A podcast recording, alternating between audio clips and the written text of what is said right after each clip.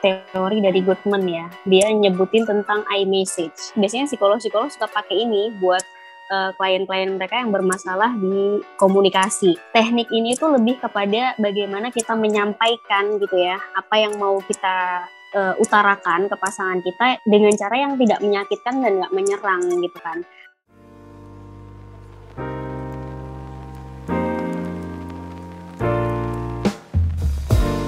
Halo teman-teman podcastan. Uh, jadi uh, kita ada kegilaan kegelisahan nih selama pandemi. Kegelisahan-kegelisahan yang uh, kenapa sih selama pandemi ini ketika jumlah kelahiran itu meningkat, tapi dibarengin juga dengan jumlah kematian yang juga meningkat tentunya. Kemudian dibarengi lagi banyak kasus-kasus KDRT yang meningkat, bahkan perceraian yang meningkat, ya kan? Gangguan kesehatan mental yang meningkat. Nah, persoalan-persoalan ini yang mungkin kami tuh pengen banget bahas. Uh, sebenarnya ada nggak sih persoalan uh, komunikasi yang akhirnya nggak efektif atau persoalan dari sisi komunikasi gitu ya kalau dari kami yang uh, nyebabin uh, apa masalah-masalah itu tadi gitu. Nah tapi sepertinya itu akan kurang lengkap kalau nggak dikaji dari sisi psikologinya nih Nah, makanya kita memutuskan untuk mencari psikolog handal begitu yang kita ajak sekarang gitu. Nah, uh, nah makanya pada episode kali ini kita mengundang uh, psikolog klinis yaitu Sofia Halida Fatma. Halo Sofia. Halo semuanya. Nah, Semoga sehat-sehat selalu. Alhamdulillah. Ini jadi kita uh, di episode ini kita cuma uh, ladies talk ya. Jadi cuma ada okay. dan Opi dan juga Sofi. Uh, Sofi ini um, psikolog klinis yang praktik di sosial medik klinik. Betul, betul. Nah, uh, gimana nih? Uh, mungkin selama pandemi ini ada nggak yang benar-benar uh, konsul ke kamu atau pengalaman soal gimana mereka uh, negosiasi rasa stres misalnya uh, ngurus anak mm. yang sekolah online, terus mereka juga harus kerja online, mm itu tuh gimana tuh? Mm -mm. Kebanyakan mereka pasti bingungnya di ini ya punya guilty feeling sih. Jadi mereka datang itu karena sebenarnya bukan bukan masalah utamanya bukan itu, tapi kebanyakan diri dia sendiri gitu dari dianya sendiri yang memang masih ber konflik belum selesai akhirnya itu kayak semacam jadi trigger gitu loh dengan kondisi pandemi sekarang ini. Jadi memperkuat gitu loh ini kebanyakan. Jadi memang dianya secara psikologis uh, udah punya kerentanan itu. Cuman karena di repress nggak diurai gitu kan ya nggak di reduce akhirnya ya udah tercover aja gitu kan. Terus begitu pandemi ini akhirnya meledaknya tuh pas di situ. Jadi dia bener-bener kebingungan kayak yang ngerasa bersalah terus jadi nggak becus sebagai ibu ngedampingin hmm. anak nggak bisa gitu kan? terus sama suaminya juga tiap harinya konflik aja tengkar hmm. terus. Jadi kayak mau ngomonginnya apa jadinya malah jadi masalah besar. Nah hmm. akhirnya efeknya juga dia ke motivasi kerjanya juga mulai turun. Jadi kinerja dia di kantor juga akhirnya nggak maksimal gitu kan? Nggak bagus lagi. Sering dapat teguran terus dia juga ngerasa sebagai ibu kok nggak maksimal juga aku mendampingin anak aku. Yang ada malah gregetan terus nih sama si anak. Kayak nggak sabar tuh mendampingin anaknya belajar. Jadi dia ngerasa kayak kok hidup aku kayak gini banget sih? Gitu loh. Makin trigger itu ya? uh, rumit. Uh, uh, uh. itu sih kebanyakan mereka yang datang rata-rata di situ selama pandemi ini case yang sering muncul. Jadi emang sih uh, apalagi sekarang kan juga ada juga yang perannya jadi ibu rumah tangga gitu ya yang suaminya nggak kerja atau uh, memang penghasilan itu sumbernya cuma dari istrinya kan juga ada kayak gitu mungkin ya. Benar-benar jadi justru mungkin yang menghasilkan si perempuannya. Jadi dia ngerasa makin makin bingung aja gitu dengan relationnya itu sama suaminya yang udah nggak kerja dia malah nggak membantu mungkin malah main game aja gitu kan terus ngerokok gitu ya. Jadi kayak udah nggak ngasih tapi malah ngabis-ngabisin gitu. Makin stres. Terus di rumah juga udah dia nggak ngapa-ngapain anak juga nggak terhandle. Banyak sih yang masalah kayak gitu tuh atau iya bahkan ya, mungkin sebaliknya juga ada yang dia mungkin secara psikologis kurang terpenuhi gitu ya afeksinya. Jadi si suaminya ini karena mereka LDRan, pandemi jarang ketemu, karena suaminya memang tugasnya harus di luar kota. Nah si istri ini ngerasa kayaknya sih secara afeksi nggak terpenuhi, akhirnya dia yang selingkuh justru si istrinya. Juga banyak yang seperti itu. Jadi memang luar biasa sih kalau udah ngomongin masalah family ya, masalah pernikahan tuh luar biasa nggak ada ya? habisnya ini. Ah, kompleks banget benar. Iya, tadi kan uh, Sofi cerita tuh soal kerentanan psikologis, ya. Itu kan kalau kita dari orang komunikasi kita kita nggak nggak mengerti konsep itu. Yang kita tahu adalah ketika ada persoalan ya maka uh, masalahnya adalah di komunikasinya. Mungkin kita yang nggak jelas menyampaikan, mungkin kita yeah. yang selalu memendam kita nggak belajar tuh soal kerentanan psikologis itu kayak gimana kenapa itu juga bisa memicu uh, persoalan itu nah kerentanan psikologis sendiri itu maksudnya tadi gimana oke okay. jadi gini um, kita kalau saya dulu pas belajar ini ya pas lagi kuliah itu ada konsep teori yang menyatakan bahwasanya sebenarnya ada namanya diatesis gitu ya. Jadi kita sebagai manusia hidup ini pasti membawa gitu membawa sesuatu dari genetis kita gitu ya maupun dari uh, sosiokultural kita gitu jadi dari lingkungan kita hidup gitu ya ibaratnya. Jadi kita itu udah bawa kerentanan dari orang tua kita sebenarnya. Jadi kalau misal orang tua kita dia termasuk tipikal yang neurotis atau punya cemas gitu ya. Biasanya itu juga diturunkan ke kita. Cuman bukan berarti dengan sudah diturunkan itu kondisi kita bakalan lebih parah gitu ya. Atau enggak atau bener-bener kayak cemas banget itu balik lagi ke diri kita. Karena faktor yang mempengaruhi itu nggak nggak nggak mutlak dari genetis aja tapi dari pengalaman kita sebelumnya dari bagaimana parenting yang diterapkan ke orang tua kita itu uh, akhirnya membentuk ke diri kita yang akhirnya membawa istilah kerentanan itu tadi. Jadi maksudnya kerentanan itu memang kita secara biologis udah udah membawa itu gitu loh.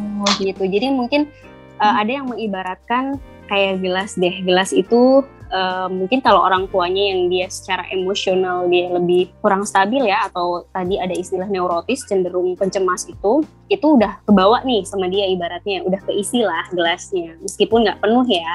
Terus nanti ditambah lagi dia hidup di lingkungan yang kurang suportif yang justru mungkin uh, pola asuh dari orang tuanya yang diterapkan pasti ada apa ya kerentanan yang udah kita bawa sebenarnya secara psikologis gitu loh dari biologis maksudnya dari secara genetis kita itu udah ada sebenarnya. Tinggal bagaimana uh, kita bertumbuh di situ seperti apa.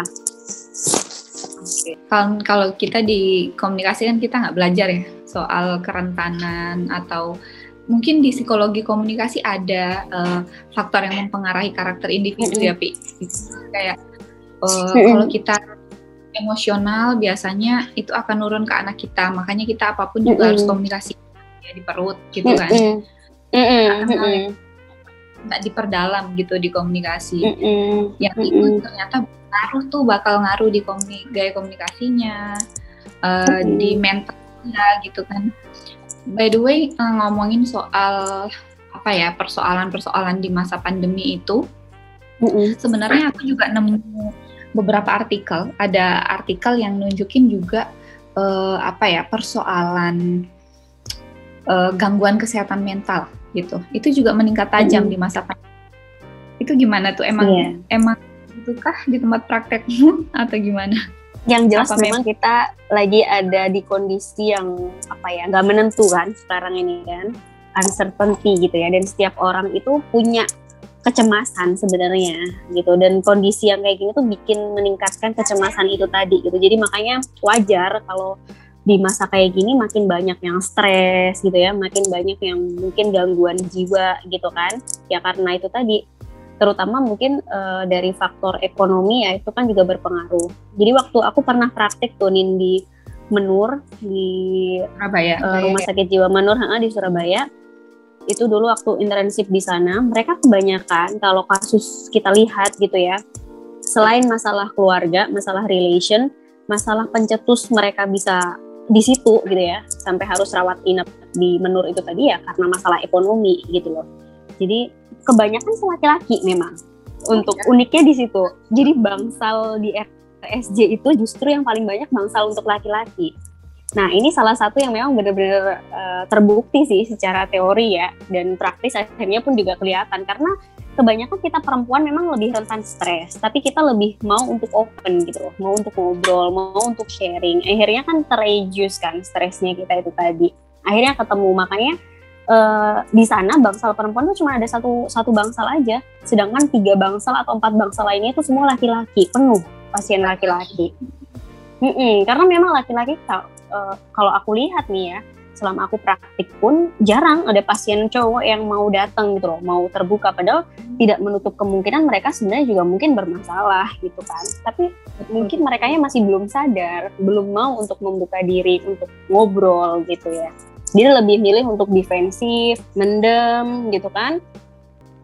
Atau mungkin justru uh, kabur gitu ya lari gitu kan dari dari masalah yang mereka hadapi. Oh, gitu. Banyak kan, itu dalam, mengabaikan. Dalam psikologi sendiri juga dikaji nggak sih kenapa persoalan gender ini ngaruh ke bentuk komunikasinya atau seperti apa? Hmm. Kalau di komunikasi kayaknya kita nggak mengkaji uh, uh, di di teori komunikasi itu ada uh, namanya hmm teori gender ya, tapi dia yang melihat gaya perbedaan gaya bahasa laki-laki dan perempuan. Tapi memang gini, gaya hmm. bahasa perempuan itu cenderung yang selalu melibatkan emosional, sedangkan laki-laki hmm. cenderung menunjukkan sisi maskulinitas, kayak gitu gaya kan kita nggak mengkaji hmm. sisi uh, bagaimana mental mental mereka ya secara gender itu kita nggak lihat kan. Nah kalau mungkin ada penjelasan -hmm. juga dari gitu gimana perihal itu karena kalau di komunikasi itu jelas beda laki-laki dan perempuan itu punya gaya bahasa yang berbeda tapi kalau nggak tahu dari sisi psikolog gimana tuh? Sangat beda ya. Yang jelas memang kalau di psikologi belum ada ya yang secara ini saya belum pernah ketemu untuk uh, teori pakemnya yang membedakan laki-laki dan perempuan seperti apa karena memang sebenarnya rata-rata secara psikologis sih hampir sama, cuman mungkin yang membedakan itu tadi gitu loh, secara genetis bawaan dia dan bagaimana sosiokultural membentuk dia gitu. Sebenarnya lebih ke itu sih, mau dia laki-laki atau perempuan, tapi ketika dia bisa lebih adaptif gitu ya, dibesarkan dalam lingkungan keluarga yang mungkin suportif gitu kan, lebih sehat gitu ya, itu tidak memandang dia laki-laki atau perempuan, itu bisa membawa kerentanan masing-masing sebenarnya apa ya memberikan sumbangsih tersendiri gitu sih. Cuman dulu waktu aku ingat ada dosen faal aku ya pernah bilang dia membahasnya karena dosen faal jadi membahasnya dari struktur otak. Aku ingat banget nih dia pernah bilang katanya kalau cuman ini dia masih belum bisa menyatakan secara empiris sih ya. Jadi jurnal yang dia sebutkan juga aku lupa waktu itu. Dia bilang katanya kalau laki-laki itu cenderung uh, neurokorteksnya yang tebal dibanding sistem limbiknya. Nah, kalau uh, prefrontal cortex itu kan yang untuk kita berpikir ya. Makanya kebanyakan laki-laki itu cenderung lebih rasional, tidak mengedepankan emosinya gitu. Nah, sedangkan kalau perempuan ini katanya dari struktur otak itu lebih tebal limbik sistemnya itu yang mengatur emosi itu tadi gitu. Makanya apa-apa perempuan lebih baperan, lebih emosional dari situ. Jadi dia uh, membahas problem psikologis dari ini sih apa namanya uh, dari fisiologisnya itu dari uh, struktur otak itu tadi gitu. Cuman aku lupa banget tuh dia nyebutinnya uh, dari jurnal mana aku lupa. Dia sempat bilang gitu. Ya, oke. Okay. Jadi makanya mungkin mm -hmm. kalau perempuan itu lebih bisa manajemen uh, emosi, manajemen perasaannya gitu ya. Jadi mungkin apa bisa mm. juga ya? Ya misalnya uh, uh, perempuan dan laki-laki gitu. Kalau laki-laki mungkin dia menyadari kalau perannya itu uh, sosok sebagai sosok superior gitu. Jadi kayak aku bisa kok uh, menanggulangi apa yang aku rasain gitu kan tanpa aku harus Bener. curhat ke mana-mana gitu kan maksudnya. Tapi mm -hmm. mereka nggak sadar kalau ternyata itu justru me, apa ya kayak uh, istilahnya menyakiti mental mereka sendiri gitu loh. Mereka nggak sadar bener. di bawah di bawah alam sadar akhirnya uh, ya mental mereka akhirnya terkikis pandolan kan gitu. Nah, ketimbang dari perempuan yang lebih baik bisa mengutarakan apa yang dia rasakan itu kan seenggaknya pasti mengurangi beban mental ya. Betul. Yang jelas eh, hampir rata-rata gitu ya. eh, laki-laki itu mengutama, mengutamakan ini ya harga diri ya. Jadi harga dirinya tuh pada tinggi semuanya gitu loh. Nggak ada yang mau uh, dijudge mereka itu inkompeten gitu kan atau not good enough gitu ya. Jadi maunya ya perfect gitu. Nah ini kalau kita bisa flashback gitu ya. Mungkin orang tua zaman dulu kalau kita lihat kan sekarang ibu-ibu muda sekarang udah luar biasa ya. Berkembang banget kan informasi sekarang jadi pada belajar lah. Nah kalau yang masih konservatif yang udah dulu-dulu banget orang tua kan kalau kita lihat pola asuhnya ke anak cowok, ayo laki-laki tuh nggak boleh nangis kan kebanyakan gitu ya. Iya. Laki-laki nggak boleh cengeng, harus kuat, harus ini. Padahal nggak masalah gitu loh dengan menangis itu tidak menjadi suatu hal yang nggak baik gitu kan. Kadang kita perlu untuk nangis untuk ngeluarin untuk katarsis itu kan perlu. Cuman mungkin zaman dulu belum seluas sekarang informasi yang masuk gitu. Makanya nggak heran kalau banyak bapak-bapak gitu ya kalau kita lihat yang susah untuk membuka dirinya untuk mengutarakan isi hatinya itu kesulitan. Itu sih oh, menarik banget sih soal soal apa ya gaya komunikasi cewek dan cowok itu yang akhirnya apalagi kalau kita bawa itu ke persoalan rumah tangga tadi ya, yang kasus RT, kasus perceraian itu kan pasti ada ada gaya komunikasi yang berbeda yang mungkin juga akhirnya semakin ke trigger itu tadi dengan adanya pandemi gitu ya, benar. Uh, akhirnya si cowok maunya gini, si cewek maunya gini dan Nah, itu yang kita mau coba sharingkan ke Sofi nih. Sebenarnya persoalan tentang komunikasi keluarga antar apa yang terjadi antara pasangan di rumah gitu. Sebenarnya gimana mungkin menghindari atau kita mengurangi misalnya uh, komunikasi yang mungkin silent treatment atau abusive mm-hmm. atau bahkan kayak apa ya kalau di komunikasi interpersonal itu kayak aprehensi ya kita bilang juga ya. Mm-hmm. Kayak ya yang kayak gitu deh. Mungkin bisa sharing soal itu juga. Mm -mm, Oke, okay. jadi ada nih um, teori dari Goodman ya, dia nyebutin tentang iMessage. Jadi iMessage ini bisa jadi salah satu teknik biasanya psikolog-psikolog suka pakai ini buat uh, klien-klien mereka yang bermasalah di komunikasi. Nah, teknik ini tuh lebih kepada bagaimana kita menyampaikan gitu ya, apa yang mau kita uh, utarakan ke pasangan kita dengan cara yang tidak menyakitkan dan nggak menyerang gitu kan. Karena pada dasarnya setiap orang nggak mau dong dijudge nggak mau untuk diserang ya.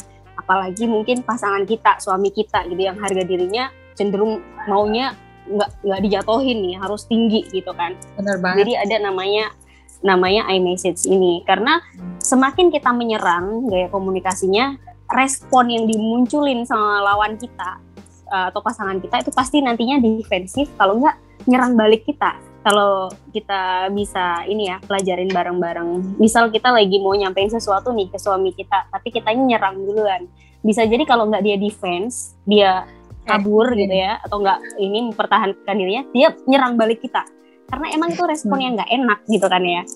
Hmm. Nah, iMessage ini si Goodman ini ngajarinnya mulainya dari kita dulu gitu. Karena I message ya jadi memulainya itu dari diri kita dulu dari problem kita gitu ya. Jadi nyampeinnya misal nih kita sering lihat suami kita yang sampai malam masih teleponan aja kan kerja terus. Padahal kita kan pengennya kalau malam ya udah quality time lah sama anak istri gitu kan ya.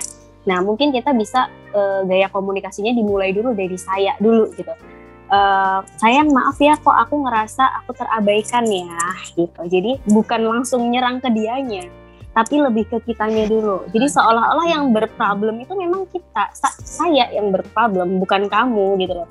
Aku oh. merasa terabaikan gitu. Jadi poinnya itu uh, bukan nyerang ke dianya. Kok kamu kayak gini sih, teleponan terus nggak ada waktu, tapi lebih ke aku kok ngerasa aku terabaikan ya gitu. Jadi lebih lebih ke apa ya? Uh, kita uh, menempatkan diri kita bahwa kita ini yang lagi butuh bantuan nih supaya pesannya nyampe kalau oh ternyata istriku lagi dalam kondisi yang tidak baik-baik saja gitu.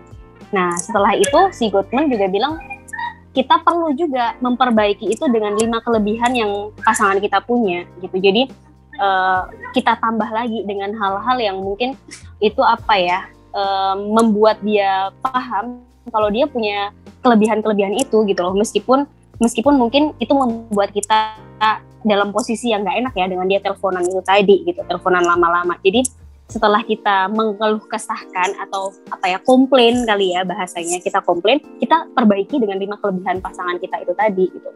Entah apa pun itu yang yang kita pahami terkait diri dia. Misal oh tapi aku ngerti kamu kayak gini kan kamu juga lagi bekerja nih uh, cari nafkah tapi aku seneng banget loh kamu ini kamu juga uh, bertanggung jawab banget sama kita. Jadi kita tambahin itu dengan minimal lima lah kelebihan yang dia punya gitu. Supaya uh, apa ya harapannya dengan seperti itu hubungan kita tetap terjalin dengan baik gitu. Jadi ya itu balik lagi. Laki-laki emang paling nggak bisa untuk dijatuhkan gitu ya. Meskipun kita perempuan pun juga sebenarnya sama aja sih nggak bisa. Cuman kita kebanyakan lebih bisa apa ya dealing. Cuman kalau laki-laki karena kebanyakan egonya mereka cenderung lebih tinggi gitu ya jadi agak susah untuk dealing dengan hal-hal yang nggak enak itu tadi gitu Anyway, jadi uh, ada teknik itu sih. Uh, anyway ya soal uh, iMessage itu berarti uh, cuma berlaku uh, si perempuan kan, tapi si laki-laki juga bisa menerapkan. Uh, bisa banget harusnya. Uh, uh. Jadi artinya harus ada saling di situ kan uh, sebenarnya. Uh, uh, uh, uh, benar dan kadang saling itu yang dilupakan sama keluarga-keluarga uh, ini gitu kan apalagi apalagi frekuensi saat pandemi itu benar-benar kita kan ketemu tiap hari 24 jam dalam tujuh hari gitu ya ketemu terus gitu jadi hmm. uh, kayak hmm. untuk gesekan itu kan pasti uh, sering gitu frekuensi meningkat gitu kan nah jadi makin intens ya uh, uh, makin intens hmm. gitu kan akhirnya hmm. ya akhirnya permasalahan ini muncul gitu mungkin uh, harus ada pola komunikasi yang baik kayak yang tadi Sofi uh, bilang itu kali. Ya. Yang jelas kebanyakan tuh memang dari kita. Ketika Waktu berkomunikasi itu yang kurang pas itu apa ya pesannya nggak nyampe tapi yang nyampe emosinya gitu kan. Jadi kadang keselnya marahnya kecewanya sedihnya yang nyampe itu itu ke lawan bicara kita. Tapi bukan pesan yang benar-benar kita harapkan untuk uh, apa ya dimengerti itu mereka bisa nyampe gitu loh karena kita nyampeinnya mungkin dalam kondisi yang nggak tenang gitu kan. Nggak nggak clear gitu ya. Aku rasa mungkin uh, di komunikasi bisa di ini ya ada dipelajarin juga kali ya bagaimana berkomunikasi yang efektif gitu ya. Karena salah satunya yang bikin miss itu ya di situ gitu. Jadi yang nyampe di pasangan kita atau di lawan bicara kita cuman emosi kitanya aja tapi pesannya sama sekali nggak tersampaikan gitu. Jadi akhirnya nggak nggak solutif nggak menyelesaikan problem itu sendiri kebanyakan di situ sih. Uh, tadi kan Sofi jelasin ya sebenarnya kalau dalam komunikasi pasangan itu dalam komunikasi pasangan itu kita sering banget uh, hanya menyampaikan emosinya tanpa pesannya tersampaikan gitu. Mungkin mm -mm, kita mm kita nggak terima atau kita nangis gitu ya Terus pesan kekecewaan atau pesan yang kita mau misalnya tentang uh, suatu tugas atau misalnya kita mau pasangan kita seperti apa itu justru yang nggak tersampaikan itu tadi ya. Benar benar. Nah mungkin ada teknik sendiri selain iMessage tadi dari psikolog. Mm-hmm. Kira-kira seperti apa sih komunikasi yang baik antar pasangan ini? gitu. Oke, okay. sebenarnya kunci dari semua itu di awal yang paling penting ya esensinya kita perlu paham diri kita dulu sih gitu. Jadi kita perlu untuk lebih kenal, lebih ngerti diri kita seperti apa. Karena dengan begitu uh, mau kita dihadapkan pada situasi sesulit apa pun gitu ya, problem seberat apa pun kita akan bisa untuk handle itu. Termasuk halnya mungkin dalam eh, situasi-situasi uh, yang kita sedang kecewa gitu ya atau kesel sama pasangan kita. Tapi kalau kita udah paham gitu ya bagaimana diri kita, kita akan paham juga untuk bagaimana mentreat dia gitu, menyampaikan sesuatu ke dia dengan cara yang tepat gitu. Karena uh, pada dasarnya memang sebenarnya balik lagi sih ini siklusnya Nin. Jadi uh, sering mungkin ya ketika mungkin dihadapkan pada kasus-kasus uh, problem pernikahan gitu ya atau mungkin apa pun lah itu dalam keluarga utamanya segala hal itu kan berangkatnya memang dari rumah ya, dari family gitu. Nah, family itu kan bermulanya dari bagaimana kita perlu untuk mempersiapkan diri kita dalam uh, membangun family itu tadi gitu kan, membangun pernikahan itu tadi gitu. Jadi perlu untuk kita selesai dengan diri kita dulu gitu, selesai dengan semua masalah kita dulu supaya uh, kita tidak membawa masalah baru pada saat kita menikah gitu. Jadi kuncinya sebenarnya awalnya dari situ dulu sih supaya bagaimana uh, terhindar gitu ya dari hal-hal yang nantinya justru nambah masalah baru lagi gitu. Jadi kalaupun ada masalah dengan pasangan kita, ketika kita udah benar-benar bisa firm dengan diri kita sendiri, itu kita akan lebih mudah gitu. Mengkomunikasikannya akan lebih lebih stabil, lebih tenang gitu ya. Karena kebanyakan yang kayak tadi kita mungkin udah sempat bahas di awal, kadang kita cenderung meledak-ledak, cenderung emosional gitu ya. Karena kita sendiri kadang bingung dengan apa yang sebenarnya kita mau dan kita harapkan. Jadi kita dalam posisi yang benar-benar di luar kontrol, out of control ourselves gitu loh. Kita belum benar-benar ngerti diri kita kayak gimana, makanya justru makin runyam masalahnya. Makin muncul yang baru lagi, itu sih. Jadi memang ada baiknya kita mulai dari sekarang uh, coba deh uh, dipelajari dulu lagi gitu ya, dipahami dulu lagi. Sebenarnya diriku ini gimana sih? Yang aku harapin ini apa sih dari dari hubungan pernikahan ini visi misinya gimana nih gitu? Awal dulu pas sebelum menikah masih uh, relevan nggak sama sekarang? Terus masalahnya apa nih? Yang bisa kita lakuin apa gitu? Itu makanya mungkin bisa juga diterapkan kalau ditanya selain iMessage gitu ya. Apalagi yang harus kita lakuin ya kita perlu untuk bertanya dulu ke diri kita pada saat ada masalah gitu karena dengan kita berkomunikasi gitu ya dengan diri kita ber, mengajak diri kita untuk berpikir ulang itu secara nggak langsung akan menurunkan ketegangan gitu ya yang ada dalam diri kita. Sehingga pada saat kita ngobrol pun itu jauh lebih bisa terreduce emosinya lebih bisa terhandle gitu loh, nggak yang langsung meledak-ledak karena kita udah menelaah dulu, mencerna dulu gitu. Iya, pengalaman suatu mm -hmm. orang lain juga seperti apa. Mm -hmm. Kadang kita udah kenal sama diri kita nih, tapi mm -hmm. kita dihadapkan dengan uh, lingkungan atau situasi pandemi yang tadi kita bilang uncertainty itu, mm -hmm. gimana akhirnya kita yang tadi sudah cukup paham, tapi nyatanya ketika dihadapkan dengan uh, situasi seperti ini kita bingung nih uh, gimana sih kita me mencari hiburan atas kebosanan ini bagaimana akhirnya kita mulai meluapkan uh, amarah kita atau persoalan kita itu gimana dan mengkomunikasikannya itu gimana ya ketika misalnya kita ngerasa semua beban itu uh, sangat banyak ketika uh, yeah. harus WFH tapi juga harus uh, mengurus rumah misalnya seperti itu itu kan tidak mm -hmm. Betul, betul. Apakah apakah otak waras ini masih bekerja gitu? tahu nih orang-orang di luar sana, ibu-ibu perempuan di luar sana seperti apa. Tapi yang aku rasakan ada uh, kita bilang apa ya namanya burnout ya? Mm -mm, burnout benar.